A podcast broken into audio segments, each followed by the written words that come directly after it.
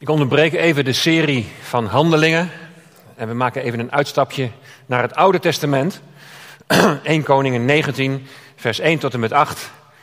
En het thema boven deze overdenking is: De rek is eruit. Onderzoek van één vandaag onder ruim 25.000 mensen heeft uitgewezen dat 60% van die mensen die zijn geïnterviewd door de coronacrisis in toenemende mate last hebben van mentale klachten. En die mentale klachten die lopen uiteen van prikkelbaarheid en piekeren tot paniekaanvallen. Vooral mensen tussen de 18 en de 24 jaar die hebben vaker last van slaapproblemen, angst, depressie en eenzaamheid. Uit een rapport van 2018, dus nog voor de coronacrisis, dat was een rapport van Hogeschool Windesheim. Daar blijkt dat 46,7% van de studenten niet tot nauwelijks angst- en depressieklachten ervaart. Maar 38,9% ervaart dat in lichte mate. En 14,4%, ik vond dat best wel een hoog percentage, en dat zal wellicht nu door de hele crisis nog hoger zijn. 14,4% ervaart ernstige angst- en of depressieklachten. Bij een depressie voel je je langdurig somber. Je verliest je interesse en het plezier in allerlei dingen. Vaak zie je overal tegenop en heb je de neiging om minder goed voor jezelf te zorgen. Je gaat bijvoorbeeld minder sporten, je gaat minder gezond eten en je zoekt minder contact met vrienden. Vorige week toen zaten Karin en ik even op een bankje aan de Wellerwaard. En toen kwam een jong stel achter ons langslopen in die leeftijdscategorie van 18 tot 24 jaar. En de een zei tegen de ander, maar wat geeft je dan nog wel energie? En dan kun je wel nagaan waar zo'n gesprek over gaat. Depressieve klachten is van alle tijden, maar wordt door alle gevolgen van de coronamaatregelen wel versterkt. De rek is eruit, erkenden Rutte en de jongen. Er zijn niet alleen gevolgen, lichamelijke gevolgen, wat de maatregelen van de coronacrisis betreft, maar er zijn ook sociale en geestelijke gevolgen. De rek is eruit, wordt gezegd. En ik denk dat heel veel mensen dat ook zo ervaren. Als de omstandigheden nou niet 1, 2, 3 veranderen, hoe hou je dan vol? En hoe blijf je dan staande? En als het lijntje al gebroken is, hoe kom je dan weer tot herstel? Daar is met een preek niet zomaar even een oplossing voor te geven. Maar ik wil je toch graag vanmorgen een richting laten zien aan de hand van het leven van Elia. Hij komt in een depressie en hij verlangt zelfs om te sterven. Hoe reageert de Heere God dan? Nou, we gaan lezen 1 Koningen 19, vers 1 tot en met 8. Agab vertelde Izebel alles wat Elia had gedaan en hoe hij allen, te weten al de profeten, met het zwaard had gedood. Toen stuurde Izebel een bode naar Elia om te zeggen: De goden mogen zo en nog erger met mij doen, als ik morgen om deze tijd uw leven niet zal maken als het leven van een van hen. Toen hij dat zag, stond hij op en vluchtte voor zijn leven. Hij kwam in Beersheba, dat aan Juda toebehoort, en liet daar zijn knecht achter. Hij zelf liep echter een dagreis de woestijn in, ging onder een bremstruik zitten en bad om te mogen sterven. Hij zei: Het is genoeg.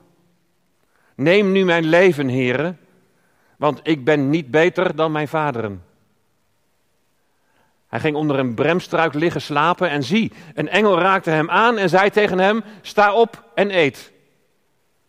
Hij keek op en zie aan zijn hoofdeinde lag een koek op kolen gebakken en een kruik water.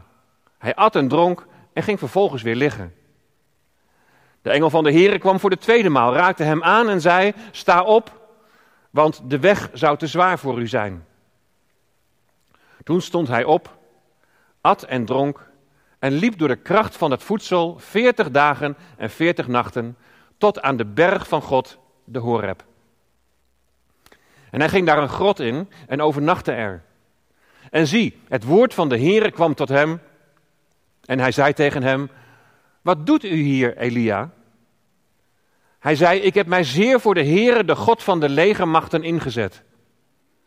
De Israëlieten hebben immers uw verbond verlaten, uw altaren omvergehaald. En uw profeten met het zwaard gedood. Ik alleen ben overgebleven. En zij staan mij naar het leven om het mij te benemen. Maar hij zei: Ga naar buiten. Ga op de berg staan. Voor het aangezicht van de Heere. En zie, de Heere ging voorbij. En een grote en sterke wind die bergen spleet. En de rotsen in stukken brak voor het aangezicht van de Heere uit. Maar de Heere was niet in de wind. Na deze wind kwam er een aardbeving, maar de Heere was ook niet in de aardbeving. Op de aardbeving volgde een vuur, maar de Heere was ook niet in het vuur. En, naar het vuur. en na het vuur kwam het zuizen van een zachte stilte. En het gebeurde toen Elia dat hoorde, dat hij zijn gezicht met zijn mantel omwikkelde, naar buiten ging en in de ingang van de grot bleef staan. En zie, een stem kwam tot hem die zei: Wat doet u hier, Elia? Hij zei: Ik heb mij zeer voor de Heere, de God van de legermachten, ingezet.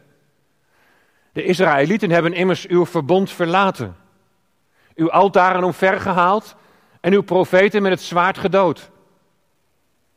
Ik alleen ben overgebleven. En zij staan mij naar het leven om het mij te benemen.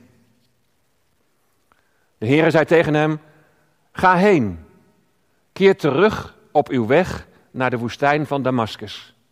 Wanneer u daar komt, moet u Hazael zalven tot koning over Syrië.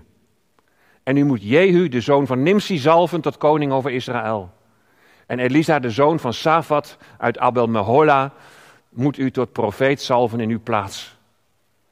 En het zal gebeuren dat Jehu zal doden wie aan het zwaard van Hazael ontkomt. En Elisa zal doden wie aan het zwaard van Jehu ontkomt. Maar ik zal er in Israël 7000 overlaten, allen die de knieën niet gebogen hebben voor de Baal. En allen van wie de mond hem niet gekust heeft. Tot zover de schriftlezing. Vroeger vond ik het als kind heerlijk om in de speeltuin te spelen. Dan ging je op weg en dan probeerde je zo allerlei toestellen probeerde je dan uit. Kinderen spelen natuurlijk nog wel in de, in de speeltuin, maar ik denk dat voor heel veel kinderen tegenwoordig de speeltuin een heel groot gedeelte wordt beleefd van achter een beeldscherm. En ik zal zeker niet zeggen dat vroeger alles beter was, maar naarmate de welvaart is toegenomen, is er op het gebied van communicatie heel veel veranderd en is het volgens mij veel onpersoonlijker geworden. Telefoon en computer die hebben de communicatielijnen drastisch veranderd. En naarmate de welvaart is toegenomen, zie je ook een toename van stressfactoren. Maar goed, ik was met jullie onderweg naar de speeltuin. En ik vond het altijd mooi om in zo'n ronde ton te lopen. Je ziet hem nu ook even in beeld, dat noemen ze een looptol. Je moet dan wel heel goed op je snelheid letten. En je moet niet te langzaam gaan, want dan val je. Maar je kunt ook te snel gaan en je evenwicht verliezen. En voordat je het weet, dan lig je op de grond. Met alle gevolgen van dien. En met zo'n, als het ware, zeg maar, malle molen, vergelijk ik nog wel eens het leven. Zolang je maar gelijkmatige tred houdt, dan is er niks aan de hand. Maar dan zijn er ineens omstandigheden die je onrustig maken, die je opjagen. En je gaat steeds harder lopen. Je gaat steeds harder lopen om alles wat zo op je afkomt maar het hoofd te kunnen bieden. En dan is het risico dat je jezelf voorbij loopt. En dan breekt het lijntje, dan, dan struikel je, dan val je en daar lig je dan. We leven in een tijd met een hoog levensritme. Hevige concurrentie, snelle opeenvolgende veranderingen. Allemaal stressfactoren. En heel vaak als je aan iemand vraagt van hoe gaat het met je, dan hoor je in 9 van de 10 gevallen, ik heb het druk. Maar dat zegt al iets. Nu is het niet zo dat druk zijn automatisch leidt tot stress, maar de manier hoe je daar tegenaan kijkt. Het resultaat van je leven wordt niet bepaald door wat je overkomt, maar door hoe je daarop gaat reageren, op datgene wat je overkomt. Stress is een grotendeels lichamelijke reactie op de omstandigheden waar je mee wordt geconfronteerd. En wat die omstandigheden zijn, dat kun je wellicht wel voor jezelf invullen. Wat maakt je onrustig? Laten we vanmorgen kijken naar de omstandigheden van Elia. Elia die leefde in een tijd dat Agab koning was over Israël. En van Agab staat geschreven dat hij deed wat kwaad was in de ogen van de heren. Nog meer dan allen die voor hem koning zijn geweest. En daar komt nog bij, en dat ligt helemaal in die lijn, dat hij getrouwd was met Izebel, de dochter van Edbaal, de koning van Sidon. En Sidon ligt buiten, buiten Israël. Sidon ligt in Libanon, waar ze onder andere Baal als god, als afgod vereren. Koning Agab die bouwt zelfs een tempel, zodat zijn vrouw, nadat ze in Samaria is komen wonen, haar eigen god kan blijven aanbidden. En ze had 400 profeten van Baal en nog eens 400 profeten van Asherah had zij in persoonlijke dienst. Haar haat naar de God van Israël was zo diep dat ze alles in het werk stelde om de profeten van God om het leven te brengen. Een zware tijd voor de profeten die de Heer trouw wilden blijven. En dan moet Elia, die moet uitgerekend naar koning Agab om daar een onheilsboodschap te brengen. Er zal geen dauw en er zal geen regen meer zijn. Je kunt je voorstellen dat dit Elia niet populair maakt. En dat is nog zacht uitgedrukt. Zo'n boodschap brengen aan iemand waarvan je weet dat zijn vrouw jou wil vermoorden. Dat hij zijn leven niet meer zeker is, dat weet de Heer ook. En hij leidt hem dan naar de beek Krit. En dat wordt zijn eerste onderduikadres. Voor drinkwater is hij afhankelijk van de beek. En voor zijn voedsel moet hij in geloof op de raven vertrouwen die God brengt. Maar de beek droogt uit. Ja, logisch, dat was zijn eigen boodschap. Er zal geen dauw en geen regen meer zijn. En dan leidt de Heer hem naar het volgende onderduikadres, bij de weduwe van Sarfat. Uitgerekend in het gebied waar de vader van Izebel koning is, want Sarfat ligt vlak onder Sidon. Het is dus een lange periode van voortdurend op je hoede zijn. Wat een belangrijke stressfactor kan zijn. Niet weten wat de dag van morgen zal brengen. Zorgen dat je uit de handen van Izebel blijft. Weet je, een zekere mate van stress is niet verkeerd. Heb je wel eens de hele dag op je werk gezeten en dat je niks te doen had? Als dat te lang gaat duren, dan word je onderbelast. En dat noemen we hypostress. Weet je, een zekere mate van stress, van spanning, die heb je ook nodig om te presteren. Dat helpt je ook om alert te blijven, om goed werk te blijven leveren. Onderbelasting noemen we dus hypostress. Maar als de weegschaal doorslaat naar de andere kant, dan is er sprake van overbelasting. En dat noemen we hyperstress. De stress bij Elia die hield hem alert. Het hield hem ook om afhankelijk te zijn. Op zich helemaal niks mis mee. Maar op een gegeven moment komt hij dus, Elia, komt hij in een situatie van hyperstress terecht. Hoe komt het nou zover? De Heer spreekt tot Elia: Ga heen en vertoon u aan Agab, want ik wil regen op de aardbodem geven. Het moment dat de confrontatie is aangebroken. En dat het een spannend moment is, dat blijkt wel uit de paniekerige reactie van de hofmaarschalk Obadja, die zegt van, Heer, maar wat, wat heb ik misdaan? En Elia die besluit om het hele volk, inclusief de profeten van Izebel, bij de berg Karmel bijeen te roepen. En daar speelt zich een geweldige confrontatie af. Elia alleen tegen de 400 profeten van Baal. Nou, dit moet hij in zijn lijf hebben gevoeld.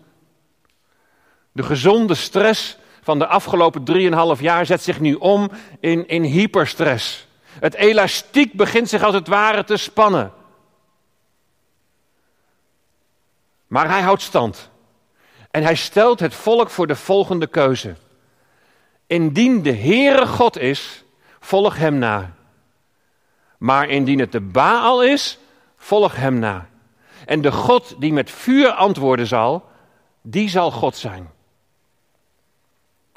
Hij geeft zelfs de profeten van Baal geeft hij voorrang. Ga je gang maar. En hij bespot ze zelfs. En dan is daar het grote geestelijke hoogtepunt van Elia. Hij laat het offer drie keer met water overgieten en dan antwoordt de Heere God met vuur uit de hemel. Gods ingrijpen brengt het volk ertoe om zich tot hem te bekeren. En op Elia's bevel doden ze de eens zo machtige profeten van Baal. Een bijzondere overwinning. Een bijzondere belevenis voor Elia. En dan kondigt Elia regen aan. Hij beklimt met zijn knecht de berg Karmel en hij wacht daar op de regen die God heeft voorzegd. Maar als Izebel van Agap hoort wat er is gebeurd, dan is haar antwoord aan Elia, je kunt het meelezen in 1 Koningen 19 vers 2, de goden mogen zo en nog erger met mij doen, als ik morgen om deze tijd uw leven niet zal maken als het leven van een van hen. Dus Izebel die zegt hier Elia aan dat ze hem zal doden. En dit breekt Elia. Dit is de druppel die de emmer doet overlopen. Hij heeft een onheilsboodschap gebracht aan de koning. Hij leeft in afhankelijkheid van zijn Heer, geleefd bij de beek Krit en in Sarfat. Hij heeft zijn Heer op een geweldige wijze aan het werk gezien op de berg Karmel. God heeft zijn beloften waargemaakt en het is gaan regenen. Maar door deze ene uitspraak van Izebel knapt het lijntje. En we zien dat Elia totaal is opgebrand. Hij schiet nu van, van hyperstress door in een burn-out. In de eerste plaats zou ik met jullie eens willen kijken naar de symptomen van zijn burn-out. En in de tweede plaats gaan we kijken van hoe helpt de Heer hem nu in deze situatie? De symptomen van zijn burn-out zijn de volgende. Ten eerste, hij vertoont labiel gedrag. Eerst nog zo zelfverzekerd op de karmel, levend in afhankelijkheid van zijn Heer. En nu is hij de grip kwijt. En hij besluit om te vertrekken om zijn leven te redden. Van het ene op het andere moment. Het is natuurlijk gegroeid naar deze situatie, maar ineens ziet hij geen perspectief meer. Heeft hij geen vertrouwen meer. Ten tweede zien we dat Elia sociaal contact vermijdt. Elia zoekt in de, de eenzaamheid in de woestijn op en toen hij bij Beersheba kwam, liet hij daar zijn knecht achter. Hij wil alleen zijn, in zichzelf gekeerd. Hij vermijdt ieder sociaal contact. Ten derde, hij vertoont vluchtgedrag. Elia die heeft het gevoel dat hij geen kant meer op kan. Hij loopt hard weg van de situatie. En hij trekt een dagreis ver de woestijn is. Hij kan de confrontatie niet langer aan. De stoppen zijn doorgeslagen. Er is sprake van kortsluiting. Wegwezen. Je bent zo labiel als wat. Je vermijdt sociaal contact en je slaat op de vlucht. Even niemand willen zien. Alleen zijn. Ten vierde, hij, hij vertoont ook depressieve klachten. Hij is onzeker geworden. Vermijdt sociaal contact, vertoont vluchtgedrag en dan gaat hij bij de pakken neerzitten. Hij gaat zitten onder een bremstruik. Hij is moe. Hij kan nauwelijks meer wakker blijven. Depressief. Hij ziet geen uitkomst meer. Elia vertoont ook verlies van zelfvertrouwen. In de confrontatie met de profeten van Baal was hij nog vol zelfvertrouwen, ja in de goede zin van het woord. Hij twijfelde niet aan God. Hij bespot de Baal-profeten als er geen vuur verschijnt. En toen hij vroeg om hemels vuur, toen bad Elia, Heere God van Abraham, Isaac en Israël, laat het heden bekend worden dat u God bent in Israël en ik uw dienaar. En dat ik al deze dingen overeenkomstig uw woord heb gedaan. En hier bevestigt hij dat hij heeft gehandeld in de kracht van God. En overeenkomstig wat God hem had bevolen. En wat zegt hij nu? In vers 4. Het is genoeg. Neem mijn leven, heren, want ik ben niet beter dan mijn vaderen. Hé, hey, die, die uitspraak die viel mij op, met name dat laatste stukje. Ik ben niet beter dan mijn vaderen. Was dat wellicht hetgene waar hij tegen opgebokst had? Je hebt een slecht voorbeeld gehad en, en je wilt het nu beter doen? Jij zult wel eens even laten zien dat het anders kan? Elia heeft het gevoel dat hij heeft gefaald. Het zesde kenmerk van zijn burn-out. Hij is levensmoe. Het is genoeg. Neem mijn leven, heren, want ik ben niet beter dan mijn vaderen. Burn-out kan gepaard gaan met suïcidale gedachten of een ontevredenheid met het huidige leven. Elia begeerde te mogen sterven en zei: Het is genoeg. Het is genoeg, neem mijn leven, heren. Een echt dieptepunt in het leven van Elia de profeet. De profeet die grote daden van God heeft gezien. De Heer heeft telkens weer voorzien. Hij heeft telkens weer zijn beloften waargemaakt. En toch, toch wordt hij tot een geknakt riet en een walmende vlaspit. De meest opvallende verandering in het leven van Elia is gelegen in zijn relatie met God. Zolang hij met Gods concrete opdracht bezig was, vertrouwt hij dat God door hem het onmogelijke kan doen. De gedachte dat God door hem heen kan werken is hem nu te veel. Zijn relatie met God is geblokkeerd.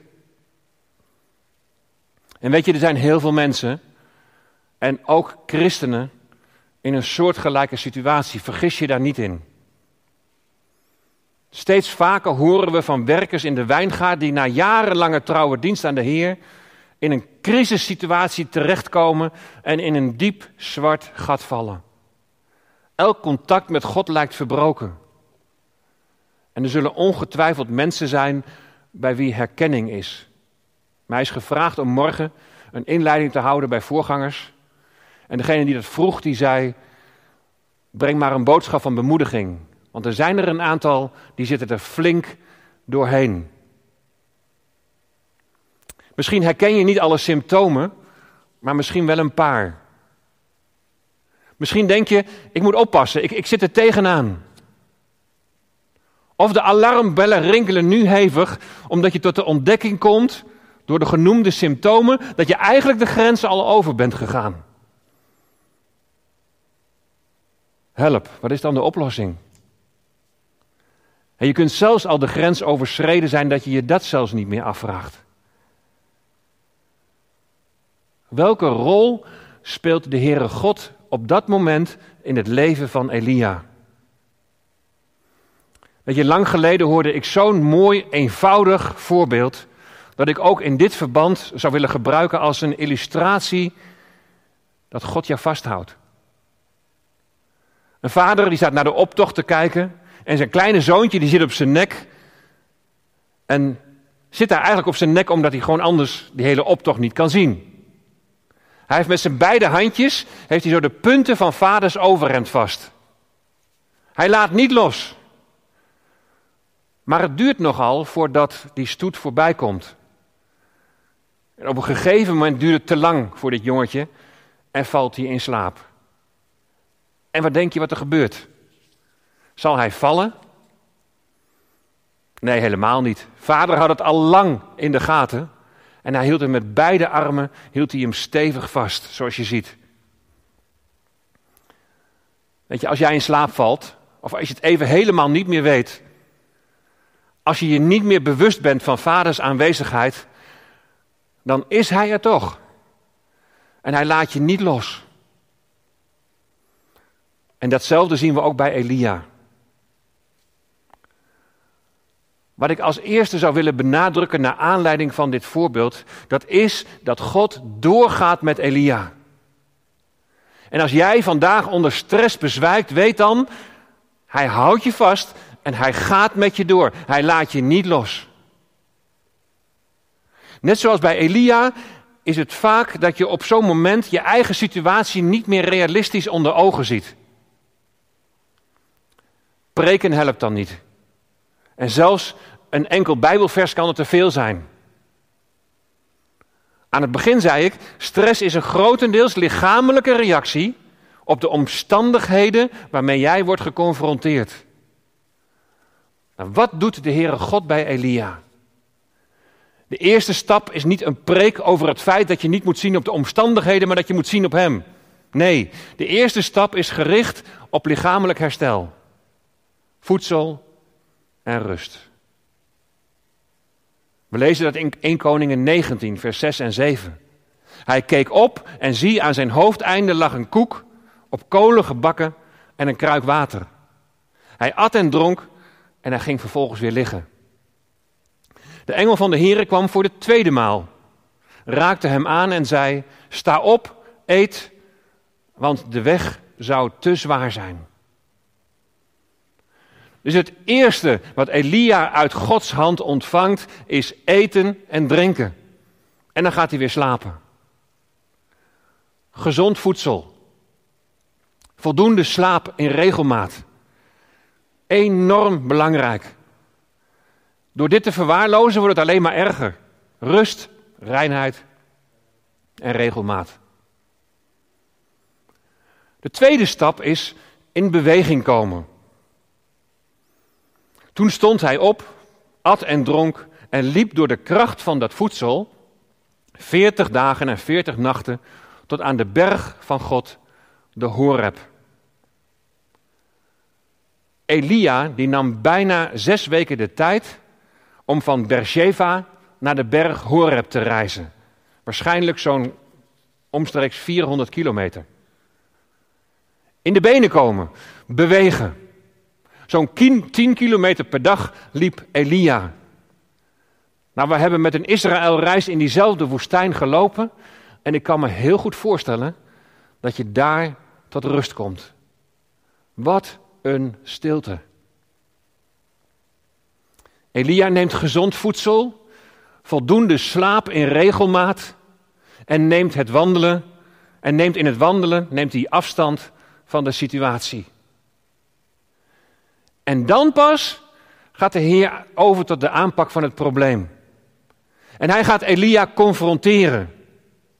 Hij ging daar een grot in en overnachtte er. En zie, het woord van de Heere kwam tot hem. En hij zei tegen hem: Wat doet u hier, Elia? Wat doe je hier, Elia? Wat brengt je hier? Er klinkt iets in door van: Hoe heeft het nou zo ver kunnen komen? En confronteren is goed. De spiegel voorhouden. Niet om te veroordelen, maar wel om de realiteit onder ogen te zien. En wat is dan de reactie van Elia? Hij schiet direct in de verdediging.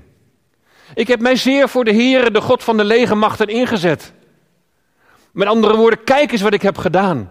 Ik heb geprobeerd om het beter te doen dan mijn vaderen. Was zijn ijver voor de Heer zijn identiteit geworden? En we zien dat de Heer niet met hem in discussie gaat over wat nu precies tot deze burn-out heeft geleid. Elia heeft ook geen behoefte aan een preek hoe hij het allemaal beter had kunnen doen. Waar hij veel meer behoefte aan heeft en wat hij ook nodig heeft, is een ontmoeting met de levende God. De Heer die roept hem tot zich. Ga naar buiten. Ga op de berg staan voor het aangezicht van de Heere. Het is de Heer zelf die hem wil ontmoeten. Maar in de wind was de Heer niet, In de aardbeving was hij niet. In het vuur was hij niet. Een ontmoeting met God kan totaal verschillende vormen aannemen.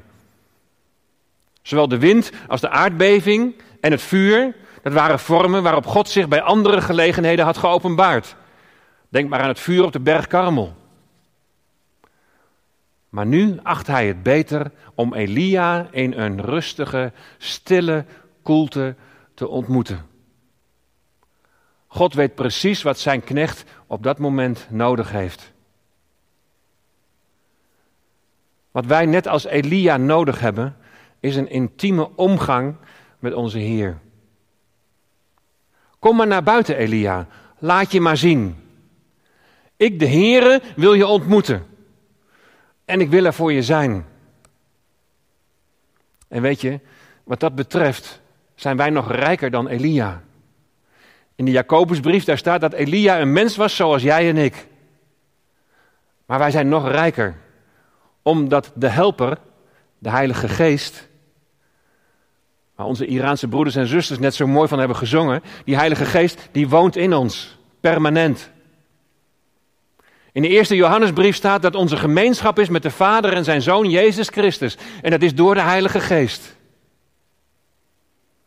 En ook al ervaar je die gemeenschap niet, want dat kan in het geval van burn-out heel goed het geval zijn, toch is die gemeenschap er wel. Want Hij immers, de Vader, Hij laat je niet los. Misschien lig je figuurlijk gezien wel onder een bremstruik. Even helemaal de weg kwijt. Hoe moet het verder? Je ziet de realiteit niet meer onder ogen. Vergeet nooit dat de Heer je niet loslaat. Hij komt je tegemoet en hij wil je ontmoeten. Hij zoekt naar die intieme gemeenschap. Kom tot mij, zegt de Heer Jezus, allen die vermoeid en belast zijn. Kom tot mij, want de Heer Jezus heeft maar één verlangen en het is rust geven. En met de Heer Jezus heb je het wel over iemand met ervaring. Hij kende ook een moment van ongekende stress in de hof van Gethsemane. En dat uitte zich in een intens zweten. Hij bad, Vader, indien het uw wil is, neem deze beker van mij weg. Maar niet mijn wil, maar uw wil geschieden. Zie je, stress is een lichamelijke reactie op bepaalde omstandigheden. En de Heer Jezus zonderde zich af. En hij zocht een intieme relatie met zijn vader en hij vraagt om de omstandigheden weg te nemen. Maar tegelijkertijd is daar ook die overgave. Heer, niet mijn wil, maar uw wil geschieden. En dan volgt er een enorme bemoediging. Lucas 22, vers 43. En hem verscheen een engel uit de hemel om hem kracht te geven.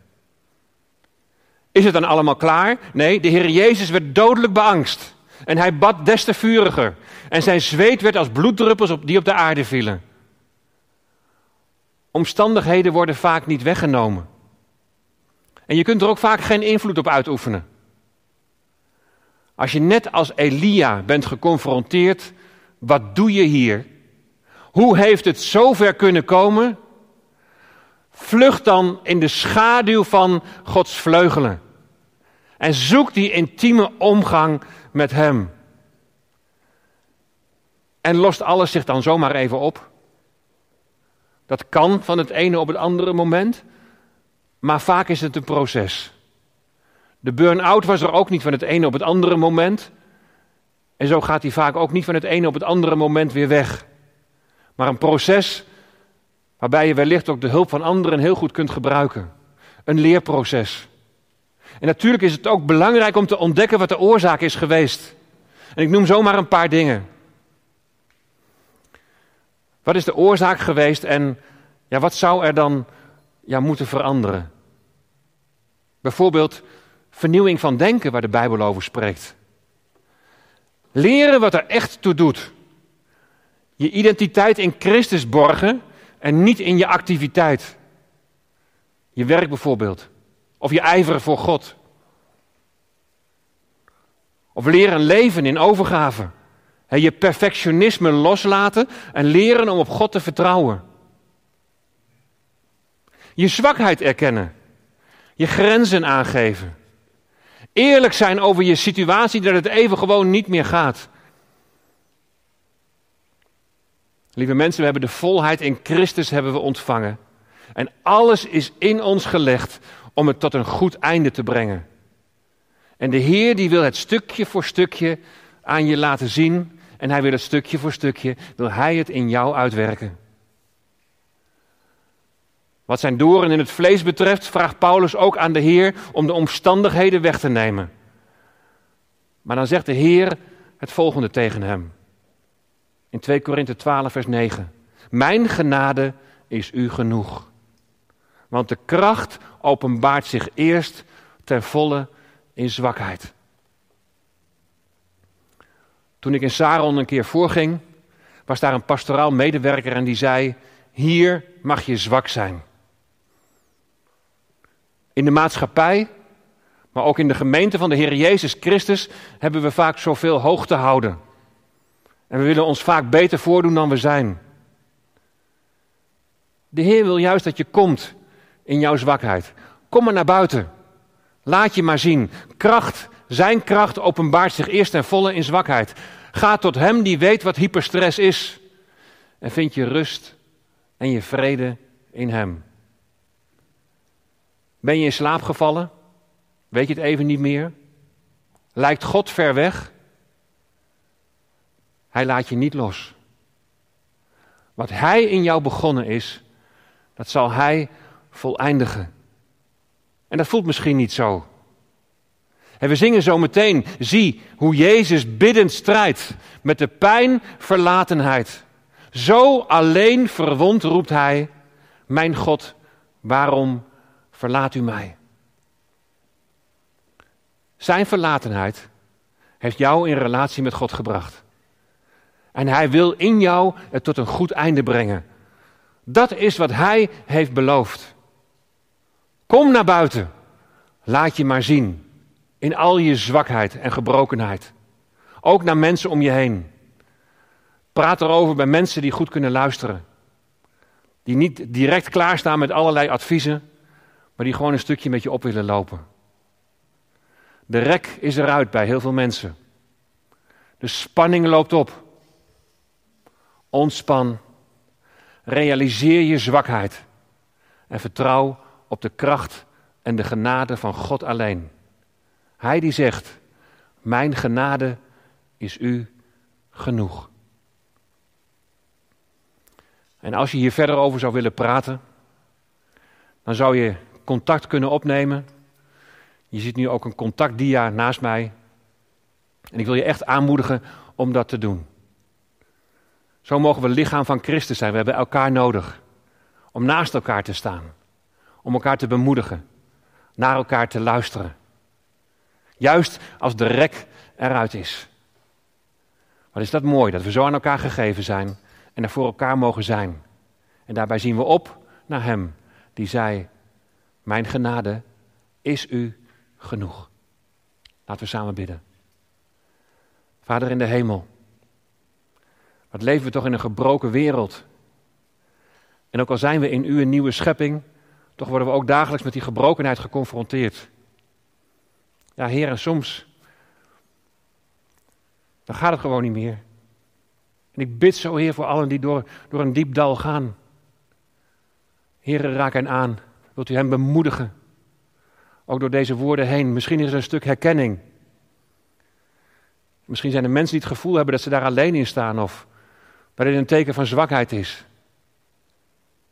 Maar Heer, dat er toch een stukje vertrouwen met elkaar mag zijn. Dat we gewoon ook durven daarin naar buiten te treden. En te durven te laten zien ja, wat er speelt. Dat wij ook een gemeente mogen zijn. Een gemeenschap met elkaar waarin je gewoon zwak mag zijn. Eerlijk. Heer, we willen opzien naar u. Heer, we bidden uw genezing, uw kracht, uw nabijheid. Voor een ieder op dit moment die het zo hard nodig heeft. Hier komt u tot uw doel. Dank u wel voor uw belofte. Dat als u iets begonnen bent, dat u het zult afmaken. Ja, wie hem aanraakt, ervaart zijn kracht. Daar zijn geen grenzen aan Jezus' macht. Halleluja. Amen.